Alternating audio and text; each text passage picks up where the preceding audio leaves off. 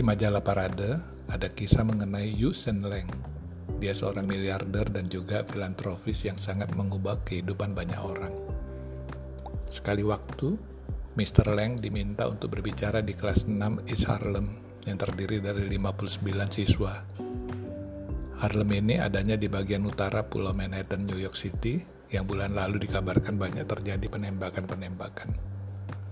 Mr. Leng lalu berpikir, apa yang harus dikatakan untuk menginspirasi para siswa ini, yang sebagian besar akan putus sekolah. Akhirnya, Yusen Leng memutuskan untuk mengabaikan catatannya, yang sebenarnya sudah dipersiapkan untuk berbicara mengenai perjalanan suksesnya.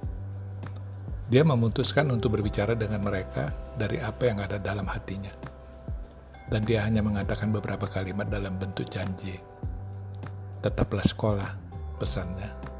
Dan saya akan membantu biaya kuliah untuk kalian semua yang mau terus sekolah. Pada saat itu juga kehidupan para siswa ini berubah. Untuk pertama kalinya mereka memiliki pengharapan. Kata salah seorang siswa, saya memiliki sesuatu untuk dikejar. Sesuatu di depan sana sedang menunggu saya. Ini adalah perasaan berharga melebihi emas. Hampir 90% dari kelas itu lulus dari sekolah menengah dan masuk ke perguruan tinggi. Yusen Leng bukan hanya memberi harapan, tetapi membangun harapan.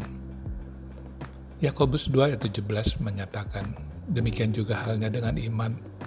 Jika iman itu tidak disertai perbuatan, maka iman itu pada hakikatnya adalah mati. Kamu lihat, bahwa iman bekerja sama dengan perbuatan-perbuatan dan oleh perbuatan-perbuatan itu iman menjadi sempurna.